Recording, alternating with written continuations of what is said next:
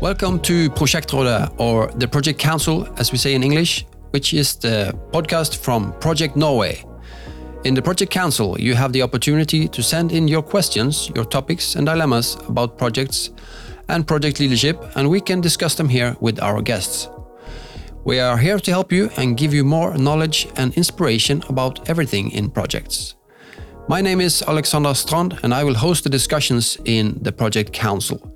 Together with me in all episodes, I have council member Bjørn Andersen, who is professor from NTNU and center leader for Project Norway. Today we have a special episode about a topic that is very hot these days. It is AI or artificial intelligence. And as you can hear, we are doing this episode in English. Our two council guests today are Janne Aas Jakobsen, founder and CEO in Consigli, and Alan Tedeyan, associate professor with Oslo Met. And this is part one of a two part episode recording about AI.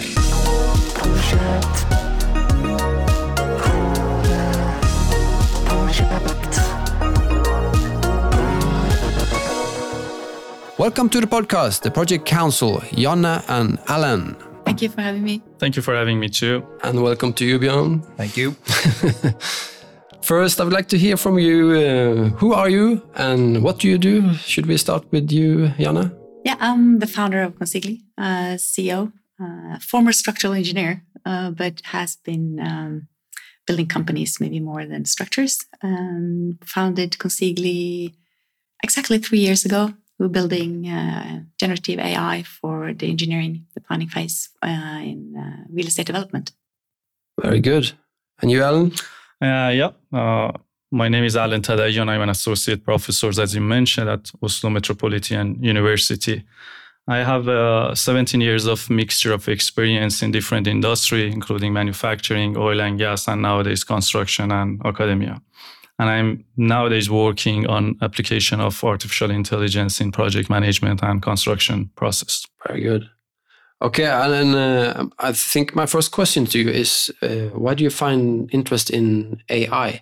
I think that goes to both of you. For me? Yeah. Um, I think I've always been a, a techie, techie, although I've been in the building and construction industry for 25 years. Um, and uh, when I saw AI was coming into other industries, I actually sat down and I learned to code a little bit of Python just to see how, uh, what is the potential yeah. for our industry. Um, at that time, I was building Niras, the third largest uh, consultancy engineering company in in, uh, in, Denmark, and I was building the Norwegian part of that, and I was also uh, in the management in, in Denmark, and also responsible for the digitalization of, of uh, the whole group. Um, and then I saw um, what AI and the possibility of big data, because this is an industry where we have a lot of data. Mm. That's uh, really a problem in other industries, but not in ours. And uh, we store data, we manage data, we have all this data, but we seldom use them for yeah. any anything. So I thought, well, this is uh, just a massive potential. And then um, realizing that to turn human-based, hourly-based uh, business process and and, and uh, business model into a, a software as a service model, that's going to be too hard. Uh, and I was probably not uh, surrounded by the, the, right management and the board to do that. So that's when I um, took the step out to form Consigli uh, to build uh, and use all the technology from other industries already, because media, uh, medical industry, there's a lot of other industries who's far further than uh, we are in the construction. So mm. in the beginning, we could just take a lot of already made technology and AI solutions and lift it into our field and get started. Yeah, very interesting. And you, Alan, what's uh, what was it that uh, found you interested in AI? Kind of the same. I think Janne brought it very well. I'm also uh, always fascinated by technology, mm. and by nature of my job in project management, we are looking for optimization, making the process better, and things deliver in a more efficient way. And we know that human cognitive ability is limited, and AI come with the power to overcome those shortfalls and it's fascinated me how AI offers scalability and you know the precise predictive of the uh, analytic predictive for future decision making. So all these things together, I think, was the reason I came more toward technology and uh, computer science uh, in project management. Mm. Very well. And uh, you, would you like to say a few words about uh, what are you doing in Project Norway and uh, in NTNU in uh, this area? Absolutely. But I could first say that I wrote my master thesis in 1991. Just goes to show how old I am. about and, AI? well, yes, because my thesis was about um, new ways of distributed production planning in manufacturing.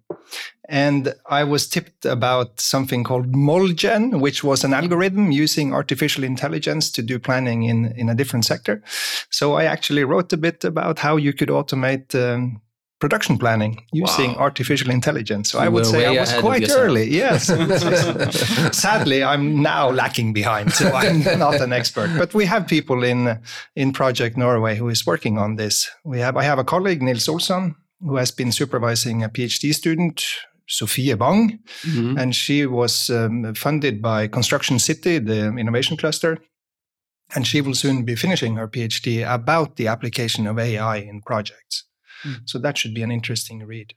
And we also have two R&D projects, one in the oil and gas sector looking into automating decision making using um, artificial intelligence. And the other is about uh, in safety in the construction phase. It's a project called DISCO. Erik Albrechtsen at NTNU is head of that. And that is also looking into using AI to predict dangerous situations in, a, in advance so you can avoid them. So we are doing a few things, but we will definitely start to do more in the years to come. Mm, that's very good. And um, about this uh, conversation today, we have structured this into different segments. Uh, but before we go into the first segment about the state of AI in project management, I would like for us to take a quick look on the big picture. Where are we uh, these days uh, with AI? It seems like a hype, is it? Um, mm. like we may have seen before. Uh, what has happened in the development of AI in the last few years, and why is everybody in every industry talking about AI these days? What do you think? Well, I, I can, can say when I first about, heard about AI and uh, um, got curious. I think I was highly inspired by another Norwegian company called uh, Spacemaker. Yeah. Mm. So mm. somebody actually like put the Columbus egg on, on, the table and said, "Let's use AI in, in this industry." Um, so that was an eye opener for me. And even though I started uh, the company three years, so maybe four years ago, uh, when I talked to people in the industry, people was like, "What is this? Uh, we don't know what it is." Started to have a few books maybe coming mm. out. Um, it was just for the very few that was really curious. And then as we started to make the, the solutions, so we talked to the industry, we got data, we started to work on it. Uh, people got intrigued. And then uh, I think about a year, year and a half ago, there was a massive um, reaction that uh, AI is really scary. Uh, mm. And people got really scared and started maybe to protect the data. It's like, oh, we need to uh, stop doing this. And then we had a new moment where ChatGPT came along in, mm. November, December. And mm. since then, we've gone from, okay, AI is uh, something we need to figure out of. Mm. And I think for the last three to four months, uh, we have this amazing uh, change where everybody they don't even listen to, to what we actually can do. It's just like, do you have AI for our mm. field? We need it. How fast can we get this? And it's just been a really, really fast change yeah. Normally, it takes longer to get yeah, these changes, and um, and I believe what large language models and, and ChatGPT and, and everything surrounding that has really opened up everybody's mindset because you can do make something that is useful privately uh, with use of AI, and it, it, just changed the whole attitude. Mm. Oh, that's that's a very interesting point of view, and I, I think I'm sharing it with you. In in my idea, every evolution in technology comes with a skepticism. And you use a very interesting word. You mentioned hype, and I heard it a lot from practitioner and colleague in the industry that they don't want to invest in this field because they think it is a still a hype. Mm. And I think it is coming somehow from historical data. If we look back on uh, the most uh, famous one, uh, the dot-com bubble back in 1990s when internet was buzzing, and suddenly all the uh, investing uh, um, goes to you know skyrocket but the things with those bubble was that it was driven by anticipation and not pragmatism mm. And when the bubble burst it leave us with just uh, economic lesson and it's happened again with 3d printing when we were thinking that okay it's revolutionized the industry overnight but we saw that it didn't happen of course in healthcare or finance it's happened a little bit but not overnight mm. that's perhaps why people referring to historical data and a little bit calling this this uh, movement a hype. What I would say for the AI in uh, construction industry, the enthusiasm is tangible. We can see it, and it is not uh, groundless. We could see the tangible effect on the industry, and we could see how we can harness it. So I would assume it is not a you know overnight we won't revolution we won't make a revolution in the industry over six months but it's a path that we have to go and it's going very fast forwarding mm. and and my phd student uh, the one i mentioned sophia bang before chat gpt was launched but she did a mapping of this how it's used and and she found that there are quite a few uses i'm looking at a graph so it, it's into sustainability review risk management project estimation and so on. There are quite a few areas where it's it's been used, but yeah.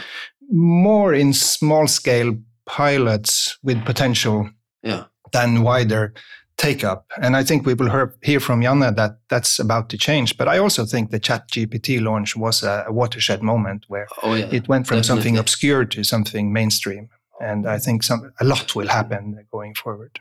Yeah, I, I think the last uh, let's say five six months mm. has been very powerful change. And I remember when you first talked about this, uh, doing this episode, Alan. Mm. It's like I don't know, four or five, six months ago. Back in February. yeah, yeah, something like that. And and um, and you you were talking about Chat GPT. Mm. Uh, I had I had never tried it. I've barely heard of it.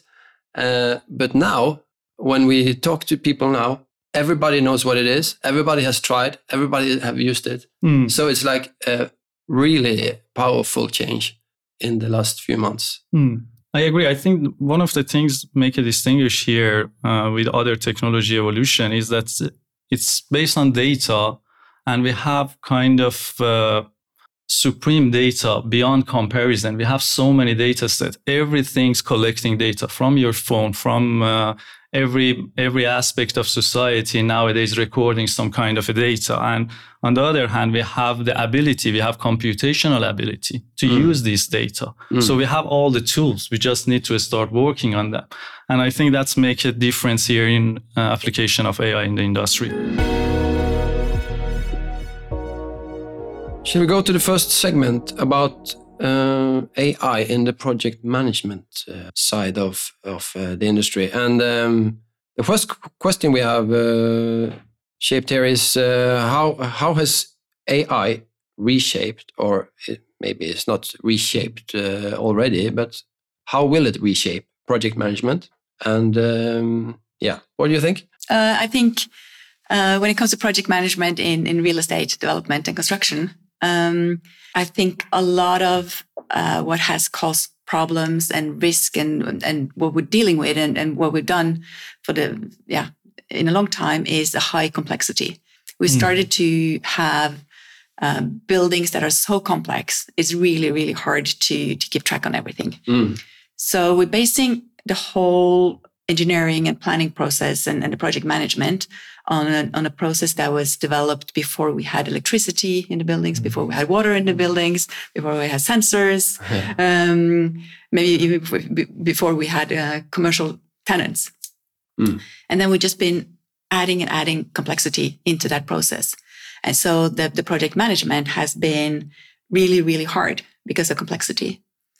But then again, if you see in that early phase of a project, when you you know what kind of building you want, um, I'm not going to talk about architecture at all because there you have the creativity. Uh, I don't I don't know how to harness that with AI, so mm-hmm. we just stay simply out of it. but when it comes to, for instance, uh, HVAC, um, electrical, uh, plumbing, uh, fire security, all of that is actually known. Mm. Because we have the laws of physics, we have requirements, we have legal requirements, we have user requirements, we have um, we know what the materials consist of. We know how air flows, how with the resistance. In, everything is known. Mm. It's just that it's really complex. Mm. And then that's exactly what AI and machines are good at, right? Mm-hmm. If everything is known, it's just high complexity.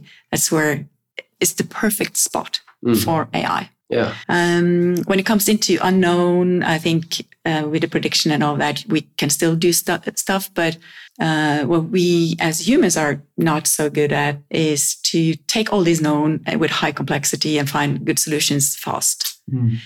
So that's why I think, especially for project management in our industry, it's just a massive tool that solves some of the really biggest issues. Uh, the hardest thing in project management in a project is, uh, yeah, high complexity of a lot of knowns, and we can get help. So I think we still need a management uh, role mm. of it, but I think it's just a massive, fantastic tool that we now can can uh, utilize. Mm. Yeah. So hopefully we'll get way better buildings from now on. But is it like this question here? Is it already happening or is it about to happen that we have a change in project management? We have the tool. We we are commercializing that tool. We have between yeah, I think all the major private real estate developers in Norway are using our tool. We have more than 20 municipalities mm. using our AI tools in project management, in the engineering phase, in early early stage engineering. Mm. Um, but then again, since the last half a year, there's not been a lot of new projects, right? Uh, because of interest rate uh, and because of the, the cycle mm. of the market. Uh, so the market has had a complete halt when it comes to private sector. Um, uh, the public sector is still moving and they are really picking up these tools, utilizing them, uh, and reducing risk, reducing uh, embodied carbon, reducing carbon in, in operation.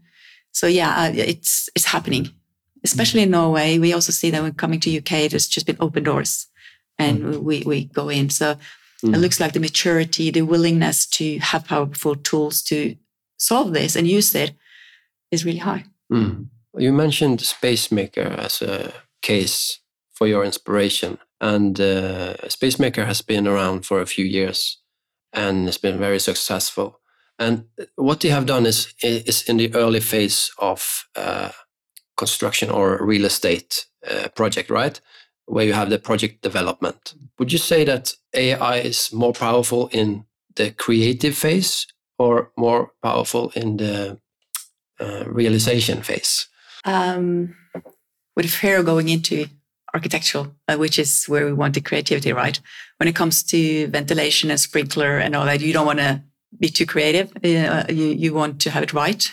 Yeah, but so you, you need to find difference. the solutions, right? So it's yeah, but it's, it's not really that... creativity. It's it's a matter of solving a complexity mm. in the right manner. Mm-hmm. So for me, it's more a um, uh, non-creative thing. It's just a matter of solving a task. When it comes to the architectural part, which SpaceMaker is an architectural solution, I think that's where you had a creativity, and, and that's not my field to answer mm. to because I'm an engineer and not an architect. Mm-hmm. But as far as I understand, SpaceMaker, it, it, it solves the task by generating thousands and thousands yes. of, of, of, of, various designs. Mm. And, yeah, and then calculates how well it fits into the lot you have and, mm. and so on. So I guess by the sheer volume that you can run through in a short space of time, you can even do something in the creative side. Mm. I think you can, but whether it's better at the creative side or later on, um, mm, I don't know. We should see what is the goal there, you know, because we can we can uh, use applied AI in different phase of the life cycle of the project. Early uh, phase, we can use it for uh, making new design, making sustainable design, ergonomic uh, design in the manufacturing. So different type of design based on the scenario we need. Then we come to the execution. We can use it for, I don't know, site monitoring. We can use it for mm. finding safety issues. Mm. So I, I, my point is we shouldn't look at AI as a creative and the tools that creating new things for us. Sometimes it is just automation of the task. Mm, yeah. Sometimes it's just providing insight in real time. Mm-hmm. So all of these things, I think, in a bigger scale, AI can help us. And if we go back to how AI can reshape this uh, industry, I would say again, these two field of uh, automation task and providing insight are the strengths of AI. For automation tasks, we already have Janne uh, mentioned that we use uh, automated scheduling. and light uh, providing insight with all these new sensors that uh, develop like radar and uh, different image sensor. We can have uh, real-time monitoring of the progress. We can control the progress uh, in automated system. We already use it in other parts of the construction industry like uh, damage inspection in the concrete module or bridges but we haven't imply this is still in the project management. We don't still have a live dashboard for project manager to have access to all the real time information in the project. And I think that's just one step ahead for us to do it. So mm. these are the area I think AI could influence greatly in the construction industry to reshape it. Do you know about other uh, real cases? Like we have mentioned SpaceMaker, but other other um, we know that cases? I think, it's the most frontier in applying AI in all fields. They have like safety monitoring, they have a scheduling and design. Mm-hmm. Uh, we were checking with Bjorn a project with AF Group, and that they use uh, Alice uh, company in US to get the algorithm to produce different schedule based on different scenario and seems like they got around 18 20% uh, shorter duration with the schedule that offered by alice so it is there so many companies use it companies in us and uk are more interested than like companies in scandinavia but there are real cases in industry happening mm.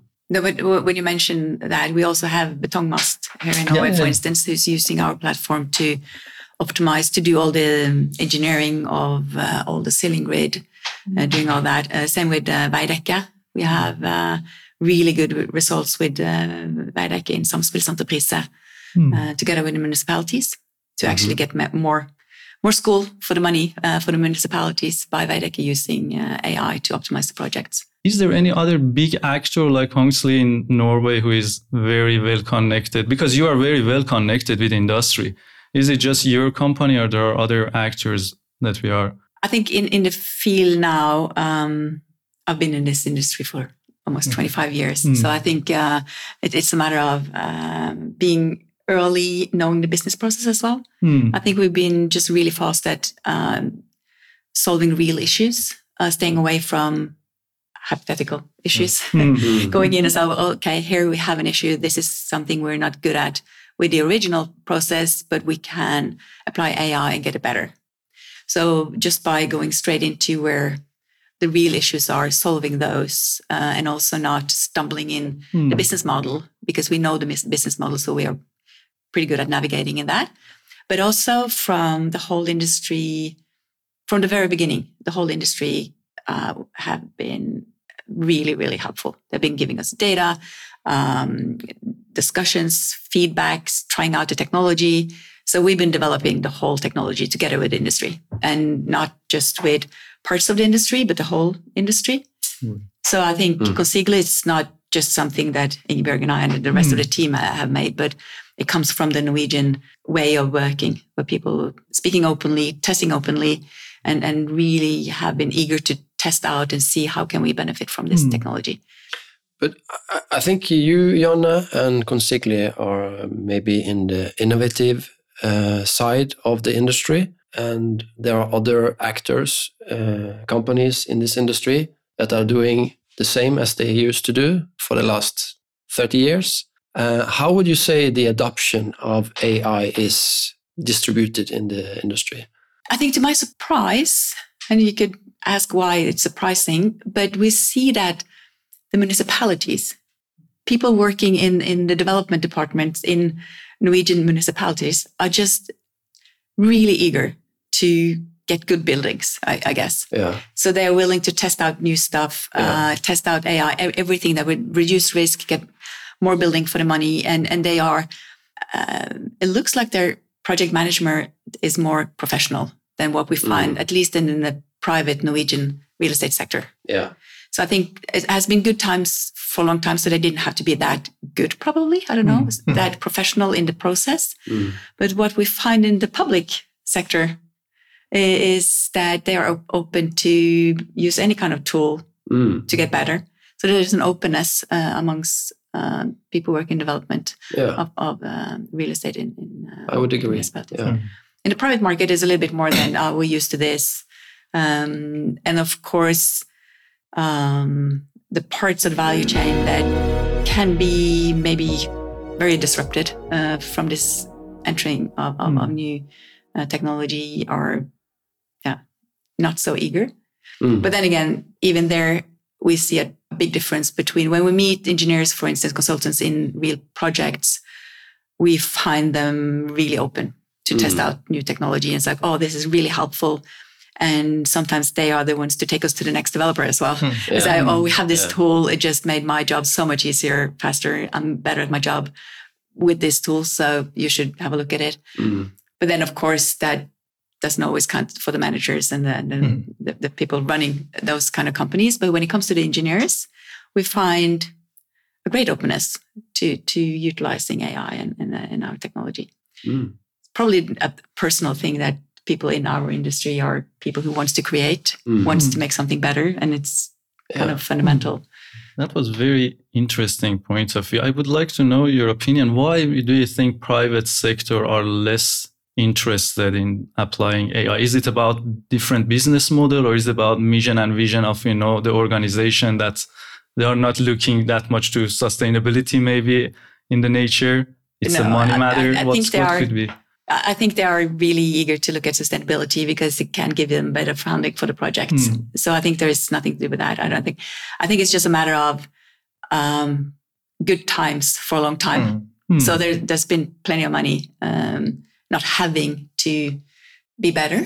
So Mhm. whatever you did, it was creating money. So I think we're in for a change. Mm. And we also see that uh, some of those private developers are really eager to Hmm. get into that change, make the difference. We have some customers, Entra, for instance, Yeah. uh, really fa- fast moving forward. And then we have smaller ones who, who may, yeah, I'm not going to say what they are thinking, but we have some of the, the private ones Mm. also eager to, to get better and use every tool they can. Uh, but it's uncertain times. Um, It's hard to know what to do, I think. Some of our, our largest uh, external investors are Anders Buchardt and Møller Eiendom. Um, I guess they're investing in us because they think this is technology that is really useful for them. So uh, I'm not going to say everybody's lagging behind, but um, uh, a large proportion is when it comes to the private sector. But I think this is an interesting observation in general Yeah. because we work with many many researchers and companies in the US through our academic networks. And when we tell them that in Norway and perhaps Europe in general, it's the private the public sector that's driving the innovation. They they cannot believe it because in the US the public sector is always sort of lagging behind 10 years Mm, and everything is happening in the Mm. private sector. So it's it's it's good to hear that you have the same impression that our public sector is um, forward looking. Yeah. Yeah. Is it is it Chat GPT that has brought us to uh, this turning point of using AI uh, in the project management and project development, or was it already there before Chat GPT? Well, I think there, there's a major change. I think that is a, a major component. Yeah. um, because we had a technology when ChatGPT came around. I just I just couldn't believe it because we already had quite a few people with PhDs in natural language processing, the whole technology that uh, large language models and and uh, the ChatGPT is, is built on, Mm. uh, and. We already had commercialized one tool that takes the tender documentation, for instance, takes all the documents, makes it into data, and then we search for what is risk in uh, this documentation. So based on domain knowledge, we would look for things that were stated in the documents that would Mm. um, become a risk probably in, um, in in the project. And it was hard for people to understand that there was actually a technology that could do that. Although we said, well, media has used this technology a long time already because they're training their algorithms this way. Now we're just adding it into our industry. And the same thing with the operation and maintenance uh, documentation. So we take all the documents, make it into data, and we search for discrepancies, what is not right. We, we make everything ready for the handover and also to send back to the contractor to, to make everything correct. And it was a hard product to describe to people before ChatGPT.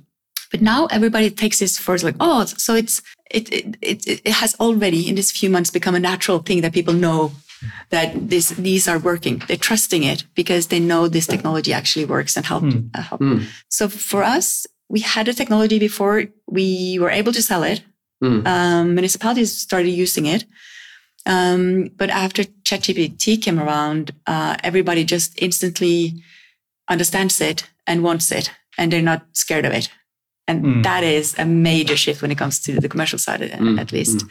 And I have to admit, I didn't sleep that night when I realized um, what what it actually was because I was testing it and I was like, but hey, we have already trained large data models on this technology. Mm. Uh, and here comes, and, and we're also using Microsoft Azure mm. as the basis for holding all this data. And I was like, so I was calling people in the middle of the night and uh, it was uh, became a little bit crazy um, but then i came into the office the next morning and we have these people who has phds in this field and i was like can we just take that api and put it into our user interface and then use this fantastic language model technology to to talk to our data mm. so that our users can actually now talk to the whole operation and maintenance handover documentation mm. so we can actually kill the digital twin.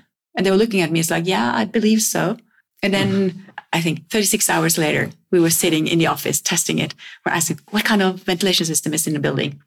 And it just answered based on the data on the operation maintenance. It's like, how many flats are in this building? And it was just like 251. And it's, so, so it was fantastic. We had a feeling we were standing there at, uh, at railway station with already packed luggages with trained data models. Oh. And this fast moving train came along and we could just jump on it and, and it would take us uh, to where we are today. So for us, it has been a Amazing major, major shift. Yeah. And it's just uh, a matter of luck, I think. Sometimes these things happen. Uh, when we talk about this uh, public sector or private sector, maybe uh, when we see the economic times that are uh, now and in the near future, maybe the private sector needs to do some innovation to go ahead. So they might come after the public sector. But I also think it's it's interesting to see that it's not the large companies that develop these tools or the methods. That's companies like Consigli and other smaller, innovative, fast-moving companies. Yeah. But but that it might be the larger companies that become your clients in the next round. Yeah, we see entering uh, UK. We have like uh, the Crown Estate, British Land, uh, Derwent. We have Clarion Housing, uh, Newland Housing, the large ones mm. that, um, because I think the effect they have of taking in this kind of technology is so massive mm. and they are professional. Um, they have all the data. They know they have the data and uh, yeah, mm. now they can use it. Okay, let's move to the second segment where we learn a little more about Consigli and what you are doing. Uh, can you talk us uh, through uh, how do you actually do this integration of AI in in projects? Um, where we are specializing is in that early phase. So when at that stage where the developer is responsible for the planning and engineering of the project, uh, so that's our main focus. So uh, and we do not go into architecture. So mm-hmm. we stay within all the classical engineering fields. Engineering, yeah. But instead of taking it one by one um, and then have a, a complexity trying to integrate all these, like if, if you have a classical BIM mm. process, for instance, everybody makes their, pro, their BIM uh, and then everybody's looking at each other's BIM with human eyes, trying to understand it with a human brain, push their own BIM a little bit further, showing it to the next one. You can see it with human eyes processing. So it's just a series of human brains trying to solve this complexity and um, doesn't end that well always. So what we do is we take everything that is known because everything is known, like I said, in, in that early phase. And we have the machine uh, trying out, like, like you said, um, thousands of billions of iterations mm-hmm. to try to solve this mm-hmm. complexity mm-hmm. and come up with a solution. So, for instance, we can place if we have an architectural model, so we know the geometry, uh, at least uh, the first stage of the geometry of, of a building, and we know the specifications. Um, is it going to be offices or classrooms, or what's what's the need, what's the usage of this mm. uh, building? Then we actually know everything because then we know how much air do you need in and out, how much lighting do you need. We know all the requirements set. We know how things flow in, in certain angles in a duct or pipe. So the machine would just simply put out all the installations that you need in a ceiling grid, for instance, and then connect it with pathfinding to take fastest route. Mm. So if you have an architecture model and you have the requirements for, for usage of the building, we can just generate in a day or two the whole M&E engineering up till stage uh, RIBA stage three or model maturity index of 300, which is probably what we're more familiar with here in Norway. Mm. Um, and that's a major shift because that's work that normally takes months with a large group of people, and now we can do it in a day or two. Uh, and also, what we see is that when the machine does pathfinding, fastest route, uh, optimizing the placement. So, how much lux do you need for lighting? All of that. Um, normally, uh, the solution contains about 20% less material, which is a major sustainability shift mm. and cost shift, of course. And it's already coordinated. So, you won't find the fire detector close to the fresh air outlet like happens when we have a complex situation trying to solve it with humans. Mm. So the design is better, uh, uses less material, uh, and a lot faster. And in that stage, obviously, uh, the real estate company usually has a lot of financial cost related to that time it takes. Mm. So the whole project management needs to shift. Although we have found it because now we can do it in a day or two, but all the other processes are used to having nine to 15 months in doing this. so even though they, they shouldn't take too long, people are used to moving slow. So even yeah. though we provide it early, it doesn't necessarily right now move the project that much because we need all those other tasks to catch up. and then uh, in Norway now we can also generate all those technical descriptions, so everything that you need for the tender documentation. So if you're sending it out to for tendering to the contractor, we can generate all of those documents because we've trained on all tender documentation on Doffin for the last three years, and all our customers' tender documentation with the machine is trained in how to, to write that kind of documentation. In UK, we're still just checking the documentation. So the whole tender package will go through and look for risk and discrepancies and yeah. uh, references to standards that are no longer valid, what has been replaced for, etc. So for the whole project management of that early phase, it's just a ma- massive, massive shift. Mm. Could I ask a couple of practical questions? Yes. H- how do you feed the requirements? Is it the architectural model, or do you? Is it natural language, or? or? It's a mixture okay. because we have the geometry from the architectural model. Mm. Then we have because we have natural language uh, capabilities mm. in, in the organization, we can take all the written requirements because in that early phase, a lot of the documentation in the project is, is written, right? So the machine can understand all of that using natural language processing. And then we have the standards that we need to comply with. We have the regulations that we need to comply with. All of that is written. So it actually took us three weeks to go from Scandinavia uh, to UK because we could just ex- um, expose all that written textual documentation to the machine, and then it would find the, uh, the pieces of information it needs to set engineering. Hmm. And then you said the machine goes through, uh, generates lots of, of permutations, various versions, but does it pick the one, or do you get a set to review and choose among? Of course, the machine produces a lot of sets, yeah. and then we ask them to feed us back the one or the 10 best ones. So we can just uh, visualize because the whole BIM or the visualizations is just a report form for us. It's not the tool used to be able to engineer. It's um, kind of reporting the result. So then we could put it out as an IFC model, for instance, take it into. And we could do that in detailed design as well. It's just that then the liability game is really, really hard and we cannot get insurance mm. for the, the machine. So even though the humans are not as good probably to, to do the engineering, they can get insurance for it. So we need to wait for the insurance uh, industry to yeah. uh, mature when it comes to AI and then hopefully so that's a regulatory issue. You mean who is responsible for this design? The machine cannot be responsible for the design. That's what you mean? It can be responsible, but as long as we cannot have insurance for that responsibility, I'm not willing to take it.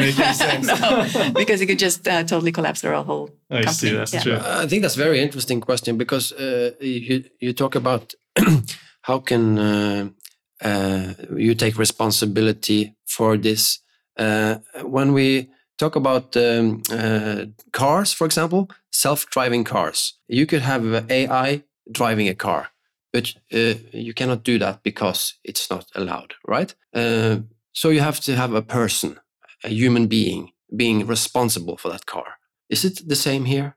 We could probably do that, um, but the thing is, for that early stage engineering, that first phase, that's where we really have a possibility to make real impact. Yeah. Because everything that goes wrong in that early phase uh, would just be added on and multiplied throughout the process.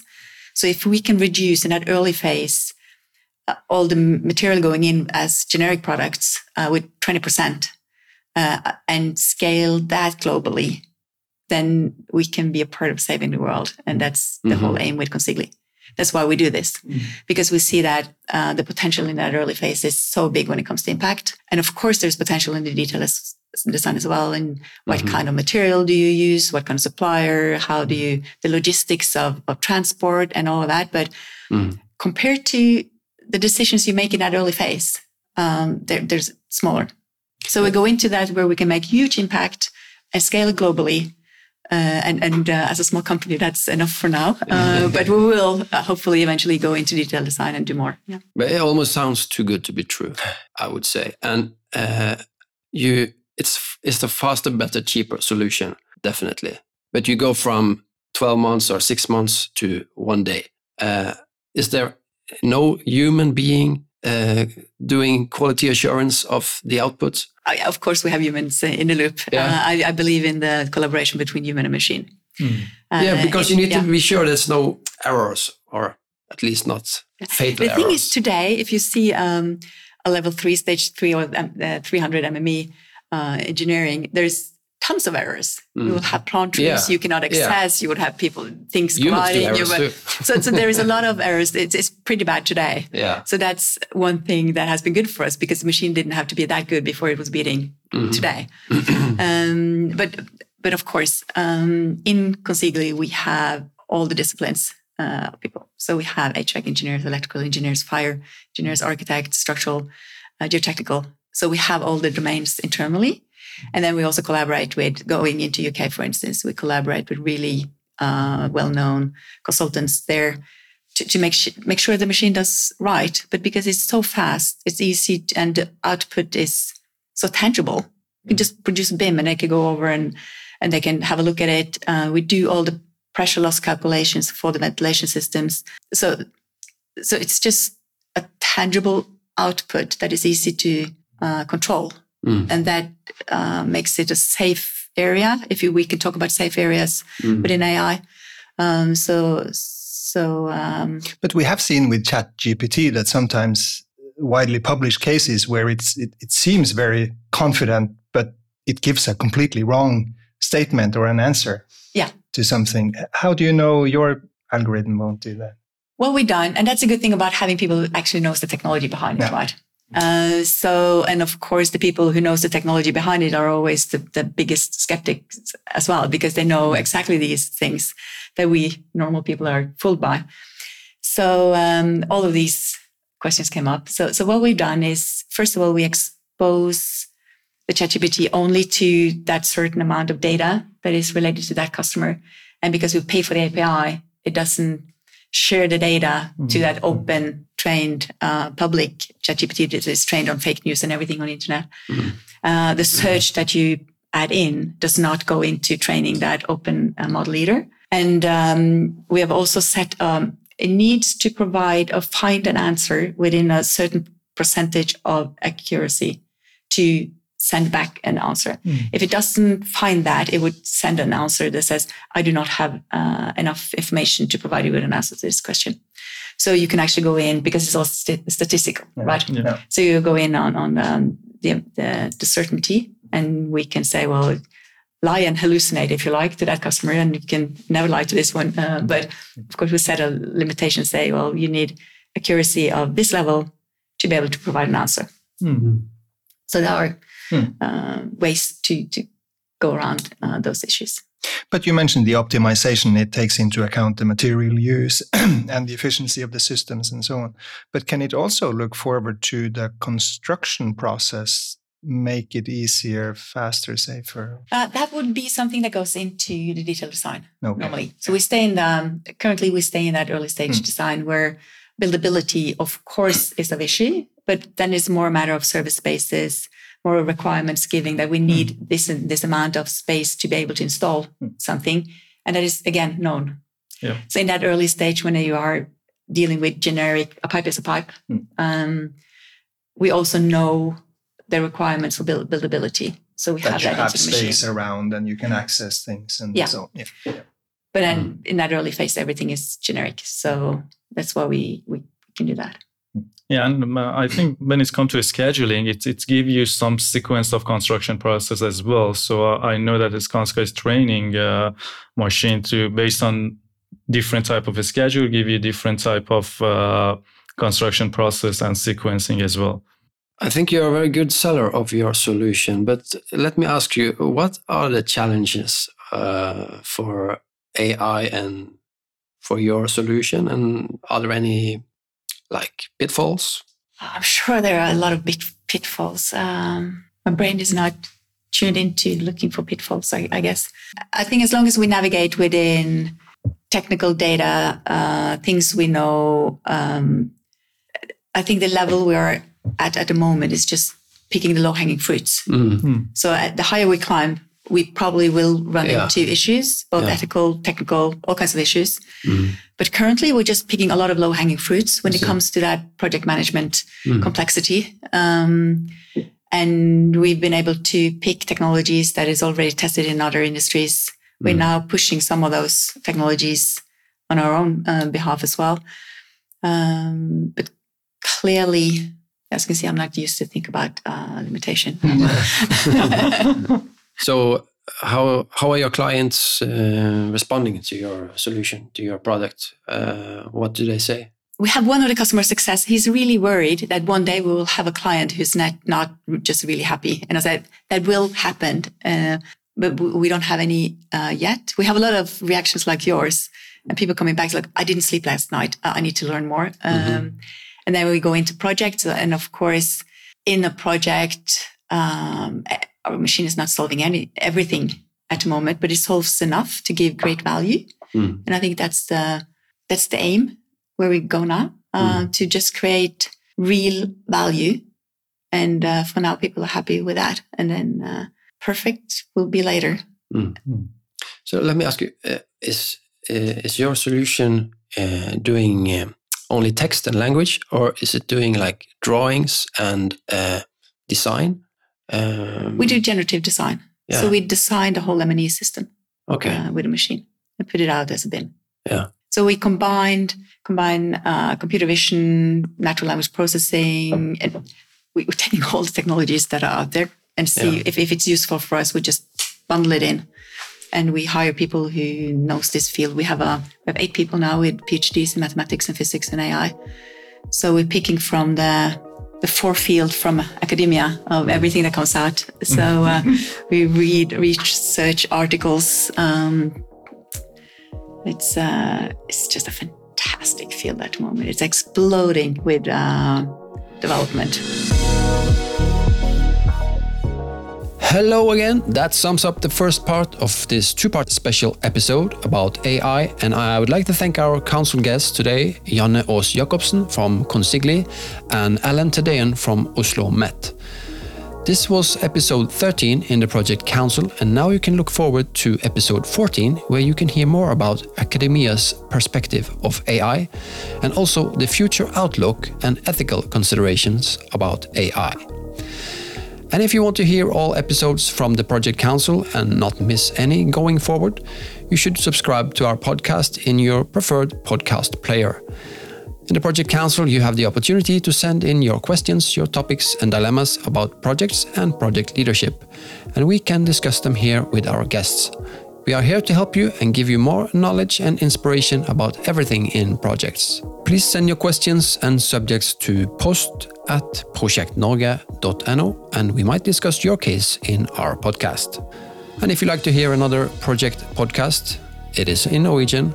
You can also check out our sister podcast called Prosjekteffekt-podden, and you can find it on prosjekteffekt.no and on all the podcast platforms. The Project Council is produced for Project Norway in cooperation with T2 Project, and my name is Alexander Strand, and thanks for listening.